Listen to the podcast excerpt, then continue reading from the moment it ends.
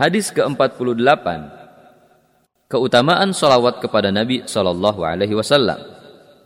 ابي طلحه رضي الله عنه ان رسول الله صلى الله عليه وسلم جاء ذات يوم والبشرى في وجهه فقلنا أنا لنرى البشرى في وجهك فقال انه اتاني الملك فقال يا محمد ان ربك يقول اما يرضيك انه لا يصلي عليك احد الا صليت عليه عشرا ولا يسلم عليك احد الا سلمت عليه عشرا dari Abu Talhah radhiyallahu anhu bahwa suatu hari Rasulullah shallallahu alaihi wasallam datang dan di wajahnya terlihat kegembiraan maka kami berkata sesungguhnya kami melihat kegembiraan di wajahmu kemudian Rasulullah shallallahu alaihi wasallam berkata sesungguhnya saya telah didatangi malaikat ia berkata wahai Muhammad Sesungguhnya Tuhanmu berkata, Tidakkah Allah menjadikanmu ridha? Yaitu jika ada seseorang yang bersalawat kepadamu, kecuali aku, yaitu Allah, juga menyampaikan salam kepadanya sepuluh kali, Tidakkah Allah menjadikanmu ridha? Yaitu jika ada seseorang yang bersalawat kepadamu, kecuali aku, kata Allah, juga menyampaikan salam Kecuali aku, kata Allah, juga menyampaikan salawat kepadanya sebanyak sepuluh kali. Dan tidak ada seorang pun yang menyampaikan salam kepadamu, kecuali aku, kata Allah, juga menyampaikan salam kepadanya sebanyak sepuluh kali. Hadis riwayat Nasai dan dihasankan oleh Al-Albani. Perawi hadis, Zaid bin Sahal bin Aswad Al-Khazraji An-Najjari yang terkenal dengan panggilan Abu Talha ia adalah sahabat Rasulullah Shallallahu Alaihi Wasallam dari anak pamannya dari pihak ibu dan salah satu ahli Badar juga termasuk dari 12 orang yang berbaiat pada malam baiat Aqobah. Kemudian ia mengikuti perang Badar dan peperangan setelahnya bersama Rasulullah Shallallahu Alaihi Wasallam dan termasuk pembesar yang menolong Islam. Dan dialah yang menggali kuburan untuk Rasulullah dan membuat lahatnya. Ia memiliki 92 riwayat hadis dalam kitab-kitab hadis. Abu Talhah mengisi hidupnya dengan puasa dan jihad dan meninggal juga dalam kondisi berpuasa dan berjihad, berperang di laut. Para sahabatnya tidak mendapatkan sebuah tempat yang dijadikan kuburannya kecuali setelah tujuh hari, namun jasadnya tidak mengalami perubahan. Ia meninggal pada tahun 50 atau 51 Hijriah ada pula riwayat mengatakan ia meninggal pada tahun 34 Hijriah di Madinah dan Uthman bin Affan radhiyallahu anhu mensolatkannya. Beberapa faedah hadis ini adalah hadis ini menganjurkan agar memperbanyak salawat dan salam kepada Rasulullah Muhammad sallallahu alaihi wasallam. Semoga salawat dan salam yang paling utama tercurah untuknya. Dan cara salawat yang paling utama yaitu dengan lafaz berikut. اللهم صل على محمد وعلى آل محمد كما صليت على إبراهيم وعلى آل إبراهيم. إنك حميد مجيد.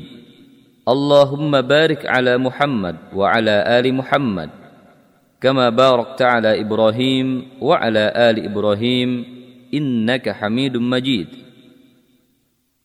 Hadis riwayat Bukhari dan Muslim. Makna salawat kepada Rasulullah Sallallahu Alaihi Wasallam adalah pengagungan Allah kepada Rasulullah dan pujiannya terhadapnya. Dan makna Allahumma salli ala Muhammad yaitu ya Allah agungkanlah ia di dunia dan akhirat dengan pengagungan yang layak untuknya. Hadis ini pula dalil disyariatkannya mengucapkan salam kepada Nabi Sallallahu Alaihi Wasallam. Dalilnya yaitu firman Allah Subhanahu Wa Taala Inna Allah wa malaikatahu yusalluna ala nabi Ya ayyuhalladzina amanu sallu alaihi wa sallimu taslima Sesungguhnya Allah dan malaikat-malaikatnya bersolawat untuk Nabi Shallallahu Alaihi Wasallam. Hai orang-orang yang beriman, bersolawatlah kamu untuk Nabi dan ucapkanlah salam penghormatan kepadanya. Quran Surat Al-Ahzab ayat 56 Juga Nabi Shallallahu Alaihi Wasallam bersabda, Inna lillahi malaika sayyahina fil ardi yuballighuni min ummatis salam. Sesungguhnya Allah memiliki malaikat-malaikat yang bertebaran di muka bumi. Mereka menyampaikan salam umatku kepadaku. Maka mengucapkan salam kepada Nabi Muhammad SAW adalah haknya atas umatnya. Seorang Muslim diperintahkan dengannya, baik secara mutlak atau secara khusus, sebagaimana ucapan salam dalam tasyahud dan ketika masuk dan keluar masjid. Serta mengucapkan salam tanpa kehadiran Nabi adalah pengecualian yang dikhususkan Allah untuk Nabi Shallallahu Alaihi Wasallam. Tidak ada seorang pun yang menyertainya dalam hal ini. Dan pengucapan salam tanpa kehadiran Nabi adalah pengecualian yang dikhususkan Allah untuk Nabi. Tidak ada seorang pun yang menyertainya dalam hal ini. Tidak disyariatkan mengucapkan salam kepada orang tertentu tanpa kehadirannya selain Rasulullah Shallallahu Alaihi Wasallam. Dan di antara keistimewaan Nabi yaitu salam umatnya bisa sampai kepadanya. Maka seorang Muslim mendapat keutamaan mengucapkan salam dan sampai kepadanya. Andai tidak terhalang jarak, niscaya akan menemuinya dalam hidupnya, meskipun ia tidak datang ke kuburannya setelah wafatnya. Maka salam adalah terbebas, selamat, terlepas dari keburukan dan aib. Cara mengucapkan salam kepada Nabi Wasallam yaitu dengan mengucapkan misalnya Assalamu alayka ayuhan nabi wa rahmatullahi wa barakatuh atau mengucapkan Assalamu alayka ya Rasulullah atau mengucapkan Assalamu alayka ya Nabi Allah atau mengucapkan Assalamu ala Nabi. Hendaknya seorang muslim meyakini ucapan salamnya tersampaikan kepada Nabi Muhammad SAW lewat perantara malaikat sebagaimana hadis malaikat yang bertebaran yang telah disebutkan sebelumnya. Tidak boleh kaum muslimin mengucapkan salam kepada Nabi dengan jamaah-jamaah tertentu. Akan tetapi yang seharusnya adalah mengucapkan salam kepada Nabi masing-masing sesuai kondisinya.